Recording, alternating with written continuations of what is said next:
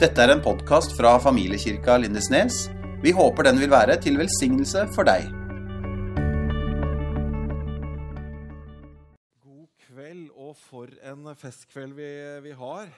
Eh, så dere her? Altså, Vi skal jo bygge Guds rike med, med tro og bønn og dåp. Og så bygde de også plattform på 1, 2, 3. Eh, ja, ja, det var også bra. Så, så jeg her bare var veldig oppbyggelig, hele, hele greiene.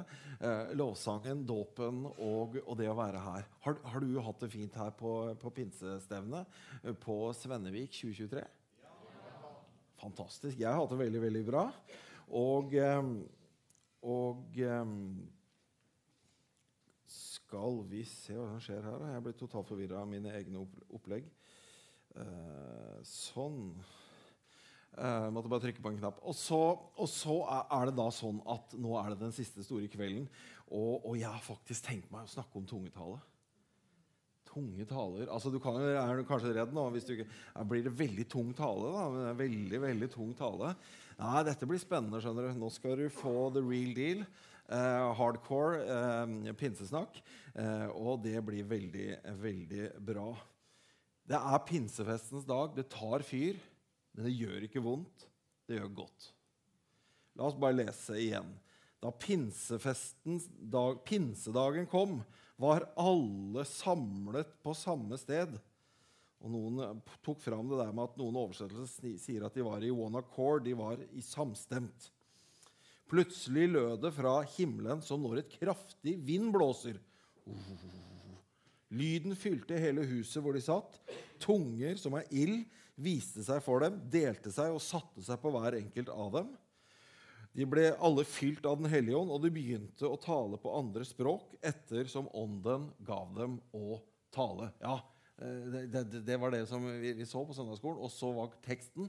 Og, og så er vi da nå på dette eh, bare det bildet der. Det bildet, det neste bildet. Ja, den der.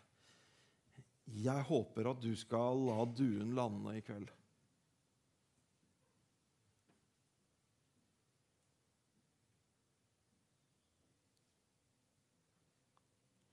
Noah åpna båten og er bare vått overalt her og duen fløy ut. Den fant et sted å lande, og da ble det fred.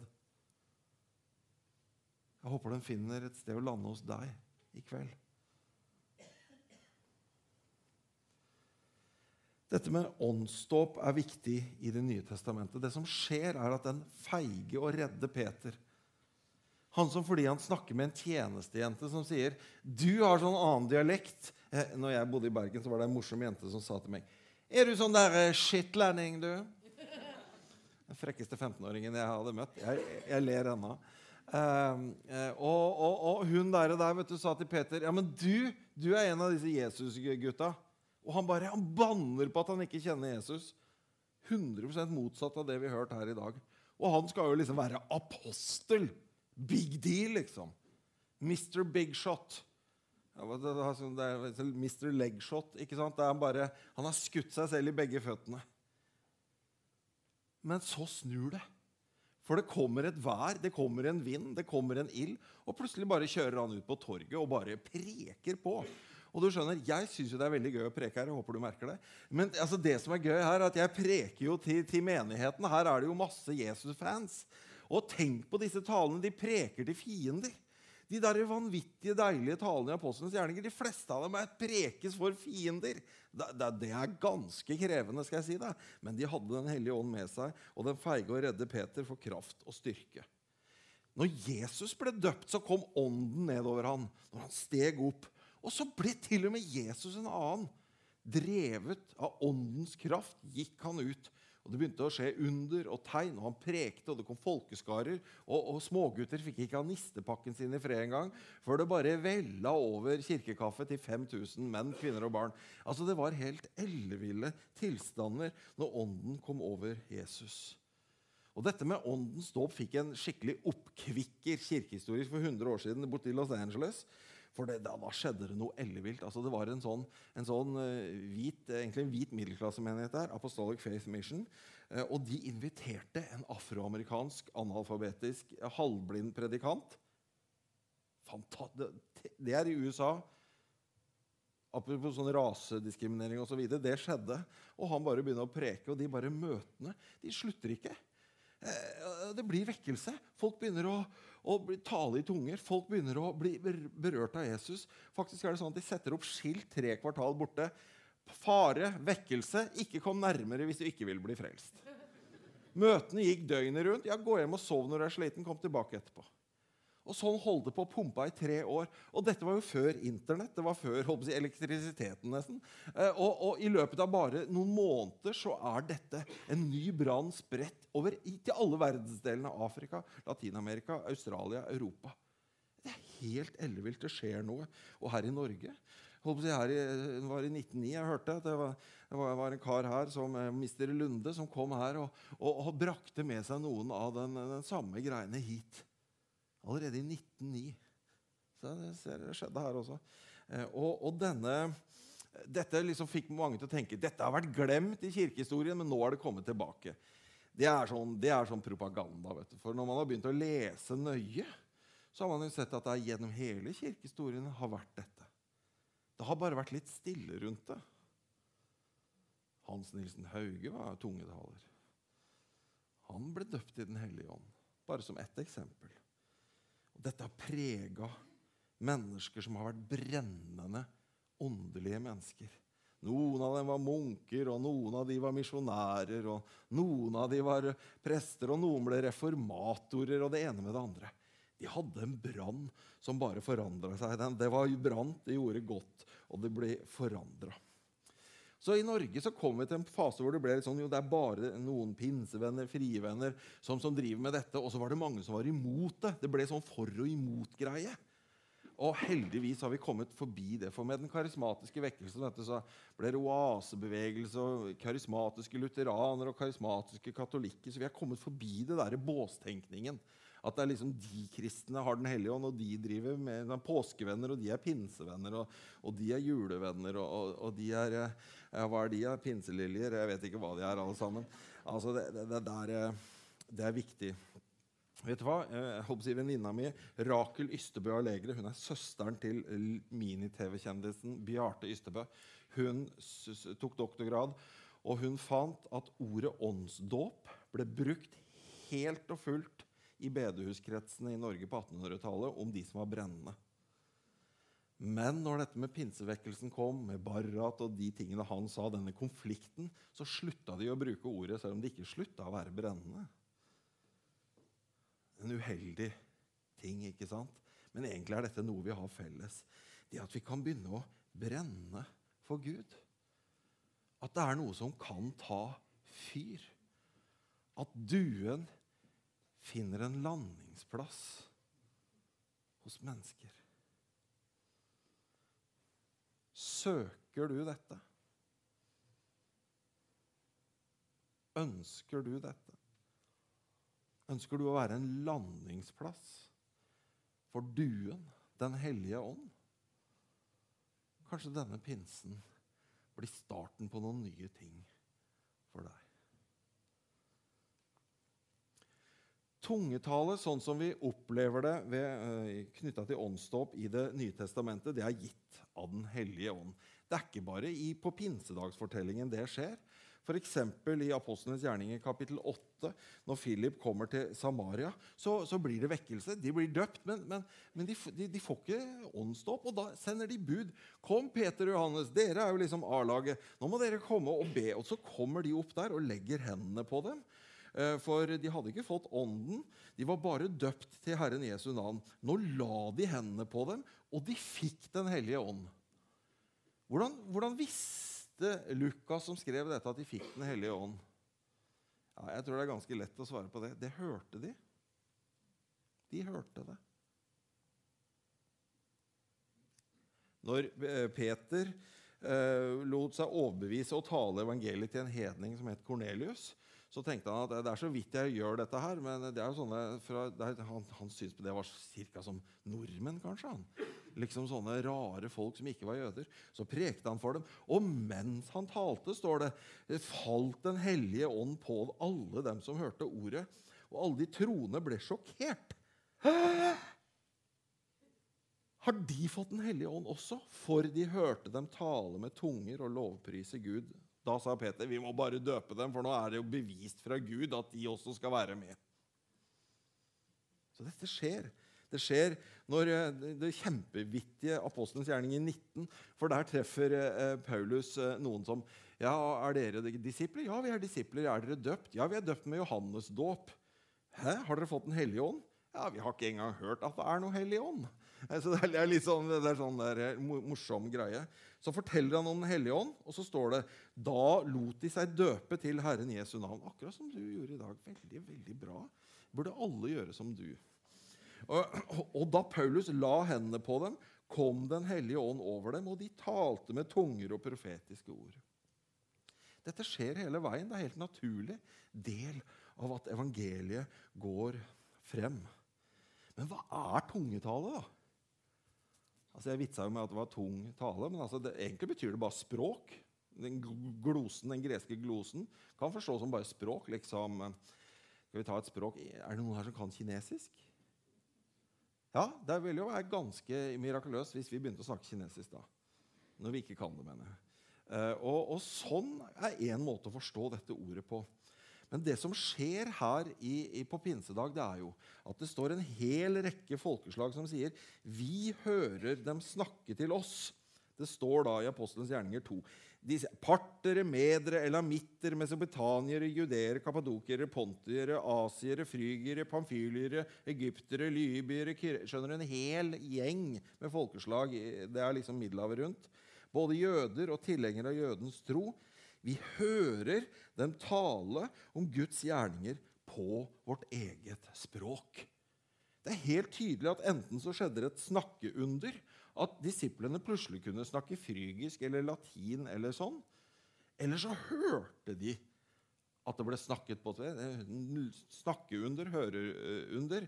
Samme for meg. Noen er opptatt av den teologiske eh, skilnaden. For meg er det som er like interessant som å flippe mynt og kron. Det er 50-50. Gud er like stor. Men det var liksom et fremmed språk. Og Jeg skulle ha en begravelse en gang. Det var jo en død dame da, ikke sant? Som, som, eh, som var veldig gammel. Jeg tror hun var 100 år. Ja. Hun talte i tunger på engelsk, sa de til meg. Og så kom han ene karen og sa ja, og en gang så talte hun så fint i tunge på engelsk. Hun hadde ikke lært engelsk. At jeg kunne, jeg kunne tolke det uten å tyde det. Altså Han skjønner, han kunne høre det på engelsk, for han hadde lært seg litt engelsk. Eh, så det er noe flere forteller om dette. Og, og, så Dette er noe vi hører om av og til. Tungetale på andre språk. Men det virker ikke som det er så veldig sentral del av dette med tungetale. Det skjedde den første dagen som et tegn på at evangeliet skal gå til andre språk. Det er noe menneskelig også i det med tungetale, så vi kan ta litt lave skulder. Og nå skal jeg fortelle en komisk historie om når det gikk litt galt.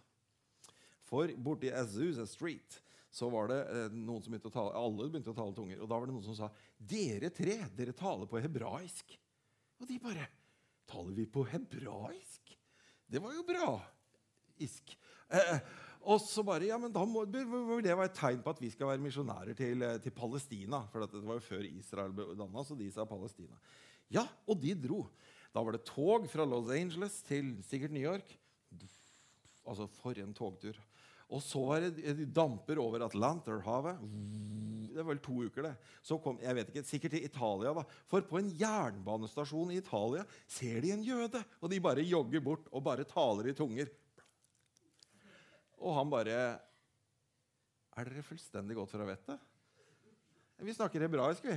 Nei, det gjør dere ikke, sier jøden. Og de bare Oi, det var dumt.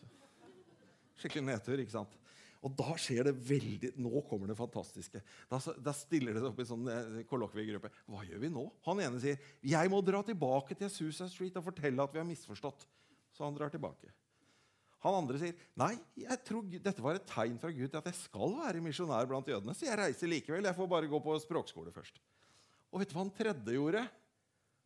Han sa ja, nå er jeg så nære hjemme, så nå åker jeg hjem til Sverige. det er så gøy. Men du skjønner, det var ikke tull. For når han kom hjem til Sverige, så ble det pinsevekkelse der han kom. Det, ble, han det var med å starte flere menigheter i sitt område. For det var en brann som han hadde fått, selv om han på det menneskelige planet hadde misforstått én ting. Sånn er det. Det er noe der. Og tungetalen er en del av det hele. Slik jeg hørte tungetale først, for jeg er vokst opp i en menighet som dette fra, jeg var, eh, si, fra før jeg ble unnfaget, eh, og, eh, og, hørte tungetale hele min barndom. Det var ca. annenhver uke. Var det tungetale og tydning i menigheten. For det står i Bibelen at jo, vi kan tale i tunger. Da taler man et språk som kanskje ingen forstår. Og det er jo uten mening, sier Bibelen, hvis det ikke tydes. Så da er det en som taler i tunger, og så er det en som kjenner seg inspirert til å si jeg tror dette er betydningen av tungetalen.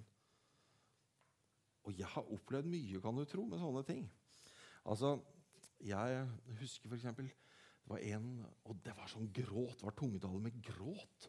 Og, og, og litt, litt, hysterisk stemme. Men du skjønner, jeg vokste opp med en innmari interessant mor. Hun var rolig som kråka på skjæret. Kråka på tunet. Skjæra på tunet. Nå går det helt galt. Går i ball for meg. Begynner å snakke om mamma. vet du. Og da lente hun seg over til meg og sa så, så kunne hun si sånn Hun gråter ikke fordi hun er lei seg, men fordi hun er glad. Hun er, så, forklare, så var det en som ba sånn Ransak mitt hjerte og mine nyrer. Nei, det er ikke operasjon hun skal ha. Hun, hun bare ber til Gud om et rent hjerte. Så hun bare forklarte helt rolig alt hva som skjedde. Så jeg har vært med på så mye sånne ytterliggående karismatiske ting. Jeg er ikke redd for noe. Fordi mora mi alltid sa det er ikke så farlig, det er bare sånn og sånn. Men mange har en helt annen opplevelse. De sitter med høye skuldre og er redde når det, når det begynner å blafre. Når noen kanskje får følelsesmessige utsagn, så, videre, så blir de redde og urolige. Jeg kjenner det ikke igjen i det hele tatt. Vi har forskjellige erfaringer. Men Gud er den samme. Det er ikke farlig. Det er bare en følelse. Det er ikke farlig. Det er duen som kommer. Men mennesker kan reagere og utagere på ulike måter. Det er ikke farlig. Ånden er en due. Og hvis du vil, er han interessert i å lande hos deg. Det er ikke farlig. Det er bare en følelseskoding du har hvis du er redd for det. Det er ikke farlig. Det er bare mennesker som reagerer. Det er ikke farlig. Og dette med at det er noe menneskelig i det, det lærte jeg av den gamle pinsepredikanten Toralf Gilbrandt. Hvorfor er det bare to eller tre som skal profetere eller tungetale og tydning? Hvorfor skal det ikke være så mange som mulig? Det er fordi det er noe menneskelig i det. Det skal ha sin plass. Men vi må våge å si var det virkelig hebraisk tungetale, eller var det bare en teori? Vi må våge å prøve det. Vi må våge å høre de profetiske ord som kommer. Er dette et budskap fra Gud, eller var det en ivrig kristen som, eh, som, eh, som snakket i vei? For det er ikke noe farlig om ivrige kristne sier noe, hvis vi bare har rolige nerver og sier 'Stemmer det med Bibelen?' Eller gjør det ikke?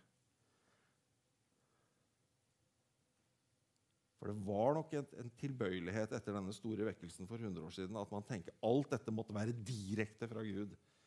Man tok ikke med i beregningen at det kunne ha gått via mennesker og ha noe menneskelig i seg.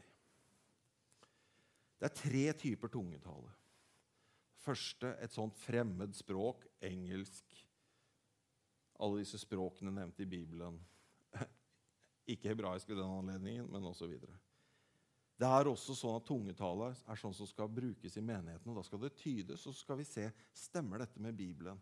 Og gjør det det, så kan vi ta det imot og si dette kan ha vært fra Gud. Det er stor velsignelse mange ganger. Det jeg har blitt mer og mer opptatt, er den tredje bruken av tungetale. Det er det jeg har skjønt. Da jeg vokste opp i en menighet hvor dette med tungetale og tydning var i fokus, så har jeg siden skjønt det er det at tungetalen er bønnespråket mitt, som er selve juvelen. For når vi ber, så kan vi be med ord. ikke sant? Vi har bønneemner. Eh, Så kan vi gå over til takk og lov. Vi kan sette på lovsangskassetten ikke sant? og prise Gud. Så kan vi bruke bibelord i bønn. Bare, jeg skal bruke et eksempel fra, fra dagens kapittel, Apostelens gjerninger 2, for eksempel, så står det løftet gjelder vers 39. For løftet tilhører dere og deres barn og alle den som er langt borte, så mange som Herren vår Gud kaller til seg. Så hvis du da ønsker å be om dette med åndens utgytelse, så kan du bruke det verset i din bønn hjemme hos deg og si Gud, du har sagt at løftet tilhører meg og mine barn, for vi er langt borte, men nå har vi fått høre det. Og det forsterker bønnen din. Du bruker bibelordet i bønnen din. Det er turbobønn. Fordi ikke sant, dette er jo bedre enn våre ord. ikke sant? Så bruker du Bibelen i bønnen, og så, så, bare styrker du din egen bønn. Så er det viktig å være i fellesskap, små eller store, hvor du øver på å be. Derfor er det veldig bra med sånn vi gjør med barna. et sånn popkornbønn. Og før du vet ordet av det, så er du i gang. Det er veldig viktig. Men hva skjer når ordene blir ferdige? Jo, du kan ha skrevne bønner. Det er alt, alt er fint. Har du merka det at det er ekkelt hvis det blir stille i en samtale? Det kan bli pinlig stille. Men når du kommer til slutten av ordene dine, da er du ofte på terskelen til noe mer. Skal du begynne å høre, må du våge å være stille. Kommunikasjon dreier seg ikke utelukkende om evnen til å holde skravla gående. Skru på øra og nær sagt ta ut ørepluggene. Det er den stille bønnen. Noen ganger så ber vi for å få, men jeg har opplevd at det er, det er noe som er dypere, som er enda mer verdifullt. Jeg ber for å leve. Og skal du dit, så må du forbi bønneemnene, inn i stillheten. Men vi har en tredje kanal, og det er å kunne be i ånden, be i tunger. Det skal jeg snakke mer om nå. Tungetalen, så si, underlig og spesiell den noen gang kan være, det er et bønnespråk. Det står mye om det i 1. Korinterbrev kapittel 14. Jeg skal hoppe fra vers til vers utover der en stund nå. Det står f.eks. i vers 2. For den som taler med tunger, taler ikke for mennesker, men for Gud. Ingen kan forstå ham, men han taler hemmeligheter i ånden. Jeg vet ikke om noen av dere er interessert i sånn krigshistorie. Jeg, sånn, jeg, har en sånn hobby på det. Så jeg har sett på sånne eh, andre verdenskrig-ting. Og da var det, hemmeligheten var å knekke koden. Fiendens kode. Og de som klarte det, det, det Surprise, surprise. Det var eh, han der eh, Turing i England, og så var han borte i USA. Så var, da fikk de forsprang, for de kjente hemmelighetene. De talte hemmeligheter. Veldig, veldig viktig. veldig, veldig viktig. Tenk å snakke hemmeligheter med Gud. da. Wow. Det er liksom på høyere nivå enn regjeringen. Da. Det er liksom over Jens Stoltenberg og Nato og alt det der greiene krig og sånn. Det er jo liksom bare der oppe. liksom. Hemmeligheter med Gud. Nei, jeg vil ikke tale hemmeligheter med Gud, for det liker ikke jeg i min religion. Du, skjønner du, Her fins det et høyere nivå som du er tilbudt. Kan Ånden få lande hos deg? Og så videre vers 4.: Den som taler med tunger, oppbygger seg selv. Den som taler profetisk, oppbygger menigheten. Så det er egentlig bedre å tale profetisk, men å tale med tunger oppbygger deg selv. Jeg vet ikke om du har opplevd at strømmen går noen gang. Eller liksom, Kanskje du aldri har opplevd det. Du liksom, er ikke spesielt bortskjemt. Aldri hatt opp strømbrudd. Da jeg var ute på sånn misjonsbesøk, da var det når strømmen gikk, det gjorde den jo hele tiden, da var det i gang med generatoren. Da måtte vi ha liksom, gressklipper, egentlig, bare litt stor. Så gikk han ut og trakk, og så fyra generatoren opp, og så blei det strøm. Ikke sant? Og sånn er det i ditt liv òg. At noen ganger blir du flat i batteriet, ikke sant? og du bare føler deg helt på bånn. Men vet du hva? Det fins et bønnespråk som bygger deg opp. Da ber du i tunger. Du kan snøre deg sånn symbol på en sykkel som får lampen til å lyse. Og du skjønner, Dette er ikke noe Gud har tenkt skal være for noen få. Det er noe han tenkte at alle kristne kunne få del av. I vers 14 så står det Når jeg ber med tunger, da er det min ånd som ber, men min forstand har ingen frukt av det. Du går liksom på et høyere plan. Det er ikke alt det du tenker. Det er ikke lenger bønnen er begrensa av din forståelse. Det går både dypere og høyere. Det, det, det er veldig intenst. Det står til og med at Ånden selv går i forbønn for oss med sukk som ikke kan formes i ord. Så når vi går inn i det der med å be i tunger, da kobler vi på liksom Åndens himmelske bønnetjeneste. Det, det, bare, det bare løfter oss opp på et helt annet nivå. Helt annet nivå. Og hvordan kan jeg være sikker på at dette er for alle? For Paulus sier i 1. Korinterbrev 14,18.: Jeg takker Gud, jeg taler mer med tunger enn dere alle.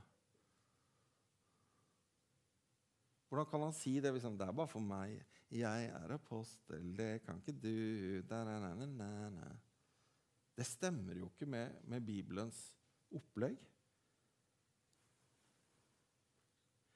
Vers 5 så står det Likevel ønsker jeg at dere alle talte med tunger men heller at dere talte profetisk. Du skjønner, Det er sånn at Bibelen sier jeg skulle ønske dere alle talte med tunger, og enda bedre profetisk. Så sier han, men jeg taler mer med tunger enn dere alle. Han sier også jeg taler, um, om jeg taler 10 000 ord med, med, tunger, så er det bedre å tale noen få ord med forstanden. Men det vi har lært, det er at hvis du taler med tunger, så får du mye større frukt av det du sier med forstanden. Det er en skikkelig generator, en energiopplader. Og jeg leste det for deg i sted, hva som skjedde på pinsedag. Det står 'de begynte å tale i tunger'. Det, det som er aktivum, det som er objektet, det handlende objektet i den setningen, er disiplene. Det er ikke Gud som begynte å tale i tunger gjennom disiplene. Det er disiplene som begynte å tale i tunger. Skal du bli en tungetaler, må du begynne å tale. Og Dermed er det også valgfritt. Det er helt valgfritt. Men jeg har oppdaga at i dette så har jeg en utrolig styrke. Jeg var 14 år da jeg var på sånn kristelig leir. Og så uh, sto imot kallet første kvelden. Bare, jeg vil ikke bli frelst. Vil ikke, vil ikke, vil ikke. Uh, men andre kvelden da klarte jeg ikke lenger, for da var suget altfor sterkt. Jeg hadde levd tolv timer i verden, så jeg var nå klar for å gi meg helt over til Jesus. Ja, og så var det Det var som om Jesus sto foran meg. 'Torsten, du vet jeg døde for deg. Hva vil du gjøre med det?' Jeg kunne ikke si nei. Jeg, bare gikk fram til forbund. Og så var det en som var sånn forbeder der og sa Hei, hva heter du? Torsten? Sånn. Du, Så ba han for meg til frelse og sånn. Og så, så sa han du, det jeg ber for deg nå, kjenner du akkurat som du får noen rare ord inni deg? Mm, ja, liksom. Ja. Er det sånn at du er litt redd for å si det, for du tenker at du er redd for det er bare noe du finner opp sjæl? Ja, det er akkurat det jeg er redd for. At det er noe jeg har funnet opp sjæl. Ja, jeg skjønner det, da. jeg skjønner det men, men, jeg har en liten tanke. Eh, hvis, du, hvis, du, bare sier de orda du, du, tenker på, bare lavt, sånn at jeg bare hører det Så hvis det er noe du har funnet på sjøl, så vil jo, nå har jeg mast på deg, da vil jo Gud tilgi deg. Ja, det var jeg i grunnen litt sånn enig, jeg var enig i det. da.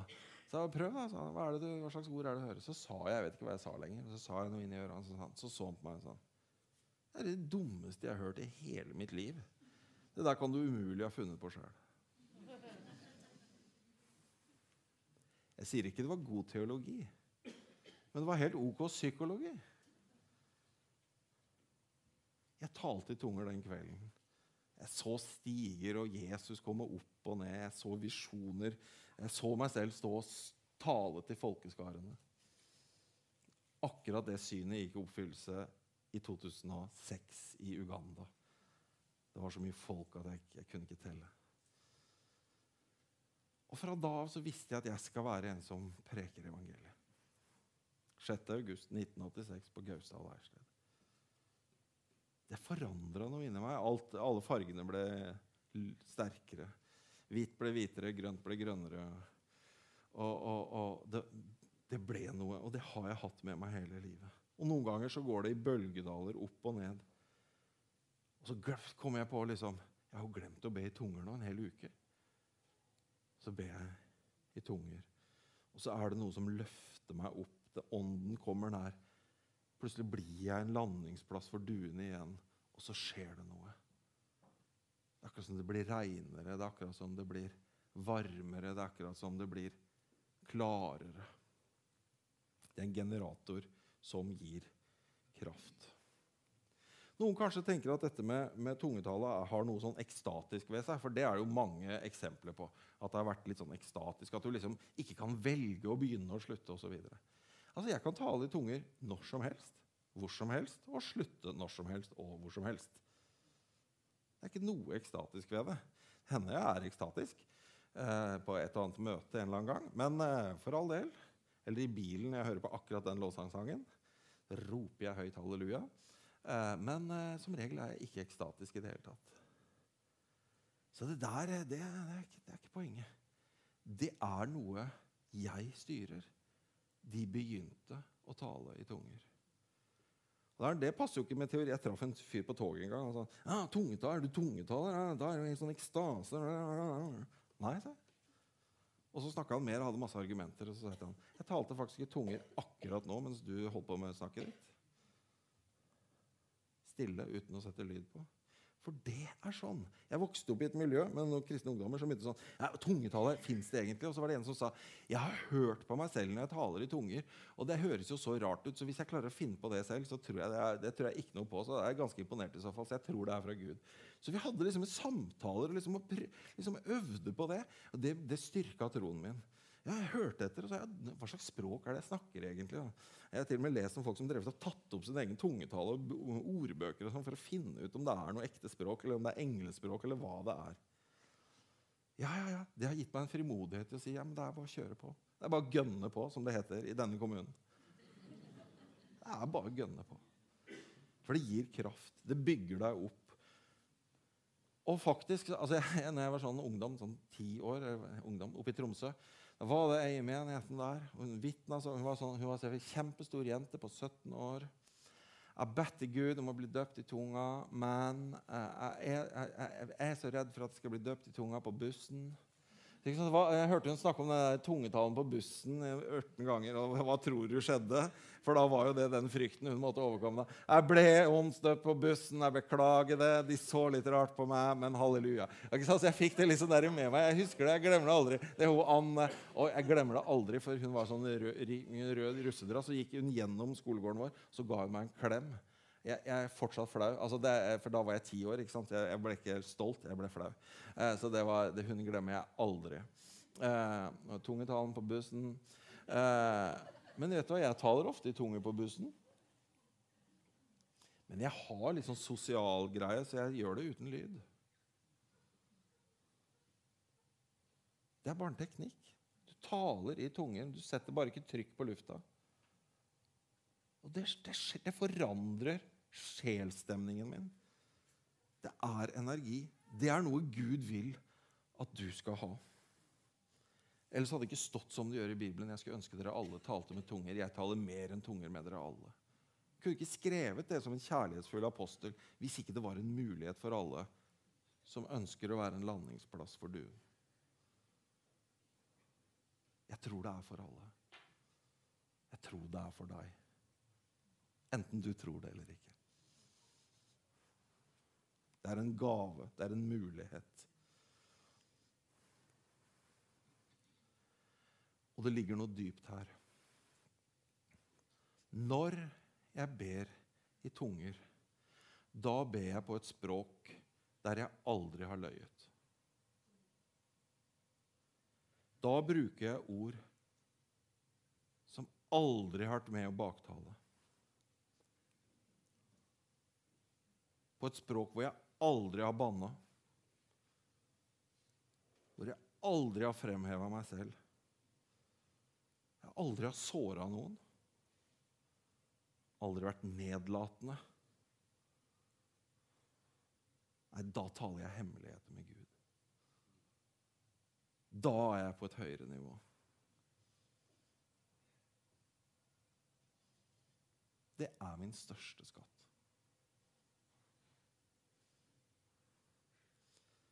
Når jeg taler i tunger, da kjenner jeg at jeg skal leve evig.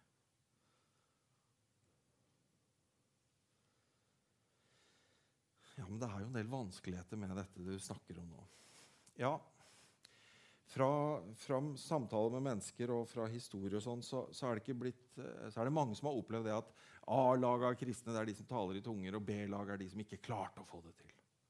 Veldig sørgelig greie. Men jeg har aldri følt på det, men det er jo fordi jeg har vært heldig. Jeg vant den konkurransen med meg selv og har opplevd det.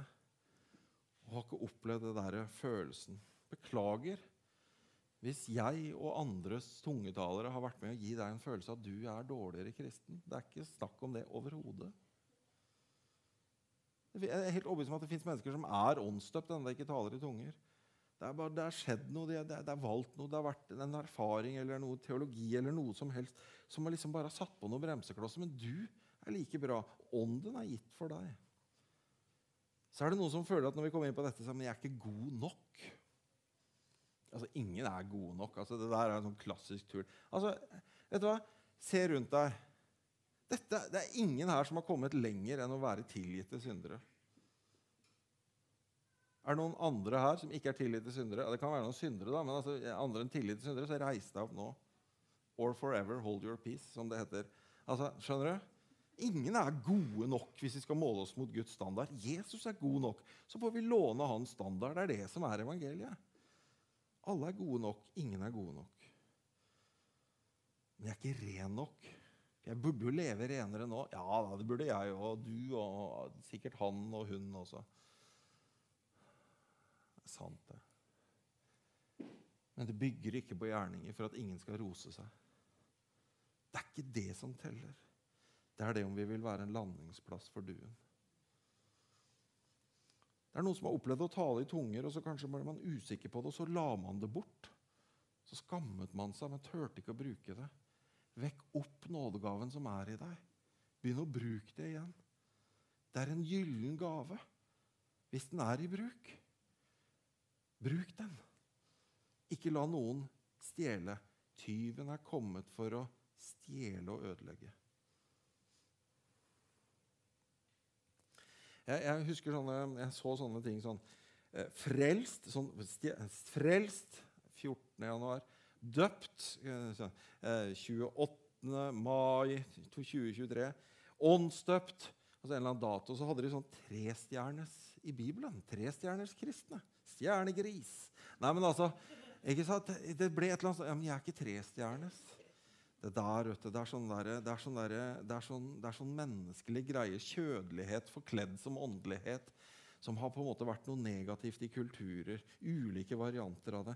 Ja, jeg vet om de vanskelighetene. Unnskyld hvis jeg har vært med på uh, å, å, gjøre det vanskelig for deg. Og unnskyld på vegne av de som har gjort dette i blindsona si. Men hvorfor skal du la dem eller oss sette dine grenser? Er ikke dette som teller, da? Det er veldig klart hva den sier. Jeg skulle ønske at dere alle talte i tunger. Jeg taler mer enn tunger enn noen av dere. Hipp hurra. Hva tror du det betyr? Det er en gave, en velsignelse, som er for deg. For Den hellige ånd lov å lande hos deg. Hvordan kan du begynne å tale i tunger f.eks. i dag? Og for den saks skyld f.eks. på bussen. Eh, hilsen Anne fra, Anne fra Tromsø. Du må ønske det. Om noen tørster, la han komme til meg og drikke. Om noen tørster, la han komme til meg og drikke. Og jeg skal fylle ham med levende vann. og Nå, nå, nå siterer jeg sånn halvsleivt. Jeg skal bla til lese Johan 7, går kveldens tekst. Um, om noen tørster, han komme til meg og drikke. Den som tror på meg, som Skriften har sagt, fra hans indre skal det flyte strømmer av levende vann. Ja, vil du ikke pga. forskjellige ting, teologi eller, eller Du er fri. Det er en gave, altså. Slapp av. Gud velsigne deg. Du er kristen, du er god nok, du er med på A-laget. Skal vi ta en pølse? Altså, slapp av. Vil du ikke? Men jeg tror at det sitter noen her som vil, og som ønsker, og som lengter. Vil du være en landingsplass for duen? Hva er det neste? Det er å be om det. Det står faktisk på veggen bak der. Jeg ble så glad når jeg så det. For Jesus sier noe utrolig radikalt om dette. Hvem av dere som er far, vil gi sønnen sin en stein når han ber om et brød? Eller når han ber om en fisk, gi han en orm i stedet for fisken? Eller når han ber om et egg, gi ham en skorpion? Det er jo elleville eksempler. ikke sant? Har noen far noensinne gitt sin sultne sønn en skorpion? Hvis da dere som er onde, vet å gi barna deres gode gaver, hvor mye mer skal den himmelske Far gi Den hellige ånd til den som ber ham? Altså, det, han kan jo ikke snakke sterkere. Det, det, han bruker jo kraftuttrykk. Gud er ikke sånn som gir deg en skorpion når du ber om et egg. Det, er sånn, Jesus, da. Ikke snakk så hardt. Det er for å liksom understreke du får det hvis du ber om det. På samme måten som du har fått brød hjemme he, alle dager i livet ditt. Ønske det, be om det. Og Så kommer punkt tre. Det er et trosskritt. Det er å begynne å tale. Det er et trosskritt. I Markus 16, 17 står det disse tegn skal følge de som tror. I mitt navn skal de drive ut ånde ånder. De skal tale med nye tungemål. Man kan jo tolke dette og tro at det gjelder tysk, og så ta, gå på sånn uh, bachelor i tysk. Lykke til. Gud velsigne deg. Guten velsigne dir. Und so weiter. Eller du kan bare begynne å tale. Begynne å tale. Er det så lett? Ja. For løftet gjelder dere og deres barn, alle som er langt borte, så mange som Gud kaller på. Gud kaller på deg nå når du sitter under hørelsen av denne forkynnelsen. Den hellige ånd ønsker å lande hos deg. Får han lov?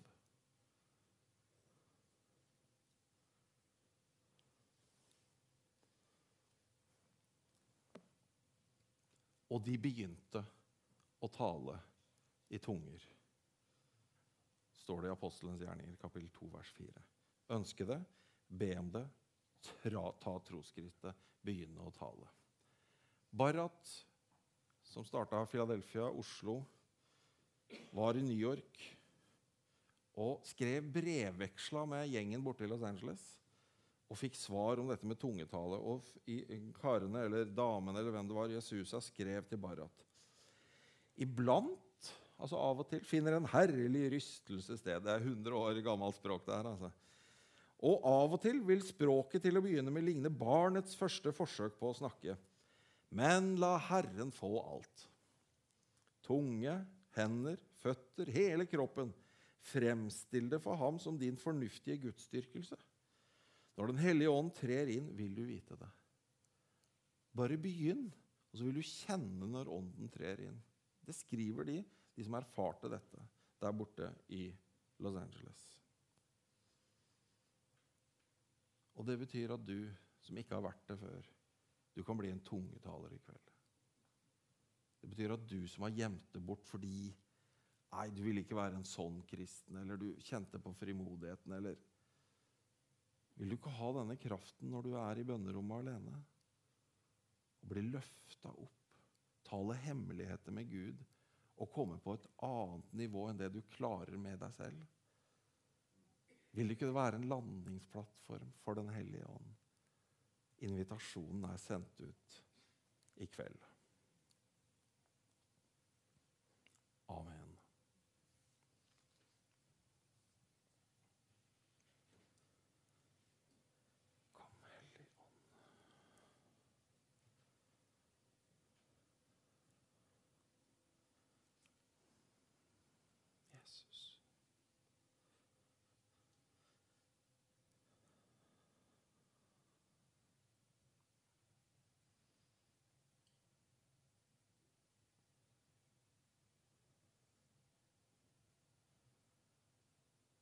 Vær i bønn sammen med meg.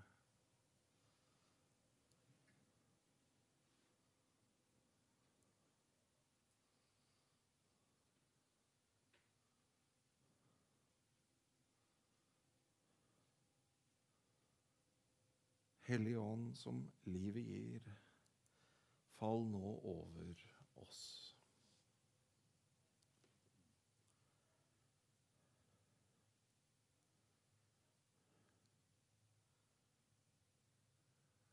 Jeg vil be en bønn for deg som sier ja, jeg vil være en landingsplass for duen, for Den hellige ånd.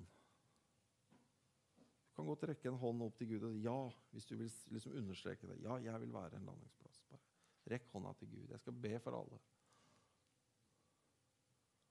Om det gjelder konkret dette med tungetale, så er det like bra. Kjære himmelens far. Kjære Jesus Kristus, du ser oss her i dag. Du kjenner hvert eneste menneske. Du kjenner oss i det vårt innerste vesen bedre enn vi kjenner oss selv. Du vet hvilke ting som ligger der. Spenninger og drifter og ønsker og, behov og, drivkrafter og prioriteringsproblemer. Du kjenner oss helt igjennom. Jeg bare ber deg nå, Herre, at vi må få lov til å leve opp til den bønnen. La oss bli en landingsplass for Den hellige ånd. Å, Herre Jesus, la oss bli mindre travel, eller i hvert fall mer åpen for å bli forstyrra av Den hellige ånd. Jeg ber deg om at det må bli mer plass til deg enn akkurat dette ordet i velsignelsen, Den hellige ånds samfunn. La det være mer, Herre. La oss bli en landingsplass. Du ser de som nå ber. La, la, land, la meg bli en landingsplass. Kom, Hellige Ånd. Vi ber om Den hellige ånd. Du har sagt du vil gi oss brød. Du vil gi oss barnas rett. Vi vil ha loff. Vi vil ha det, Herre Jesus. Og du har sagt du skal få det. Gi oss, Herre. Og rydd bort alt det som måtte være i veien. Alt urent og rot, Herre. La, la, la, det kostes bort, Herre. Kost oss, Herre, så det blir plass at du kan lande. Og så ser du hvor den enkelte er. Jeg ber deg om ny inspirasjon i bønnelivet til den har, hvor det har blitt bare stille. Takker deg for at du er der når det er stille. Men nå ber jeg deg om liv og kraft i bønnekammerset. Jeg ber deg om liv og kraft i menighetens bønner. Jeg ber deg om at du, Hellige Ånd, må komme og fylle oss, og vi kan begynne å bruke talentene våre og nådegavene våre, så det ikke blir liksom eh, nedgravd gods, men det kan begynne å virke. Begynne å, å, å gønne på. Kjære Jesus, la det skje.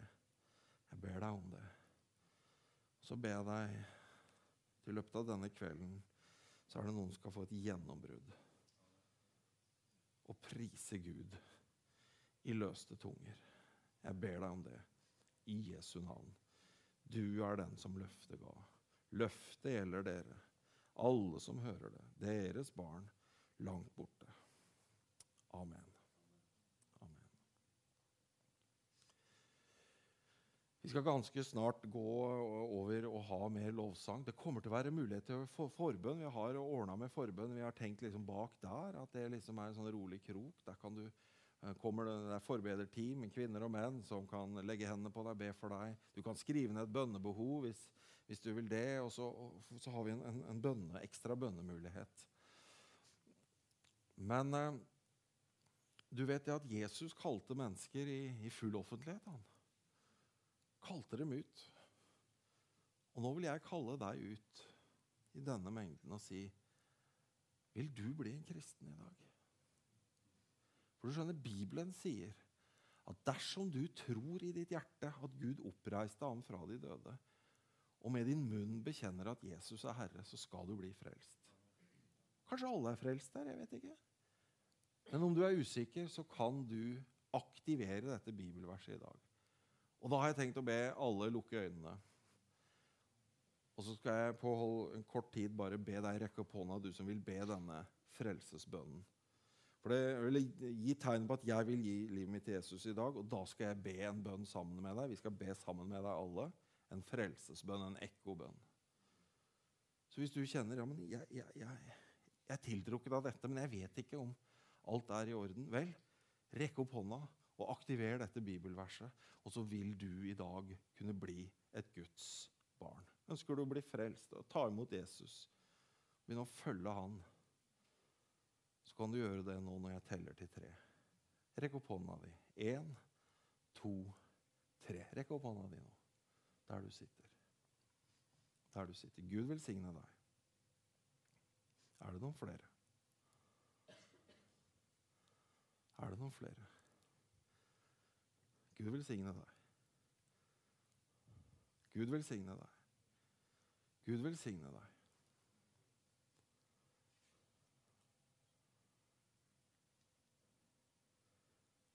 Hvis du ikke har rekt opp hånda, så er det ikke hånda som teller. Da hiver du deg bare med i bønnen nå, og da aktiverer du det samme bibelverset like som meg vel. Men nå vil jeg at alle skal be etter meg. Kjære Jesus. Jeg kommer til deg. Du må ta meg som jeg er. Tilgi meg mine synder. Jeg kommer til deg. Du er Herre Jesus. Jeg vil følge deg, for du lever. Du har stått opp ifra graven. Bli mitt liv. Takk, Jesus, at du gjør meg til et Guds barn i dag. At jeg er på vei til himmelen, og at du har skrevet navnet mitt i livets bok. Amen. Halleluja. Det var jubel i sted. Hva med litt jubel nå? Det var jubel for dåpen. Men det står at det er jubel i himmelen over hver sjel. Det er altså et flertall av mennesker her i dag som har gitt livet sitt til Jesus og sagt jeg vil aktivere det bibelverset. Er det bare spredt applaus?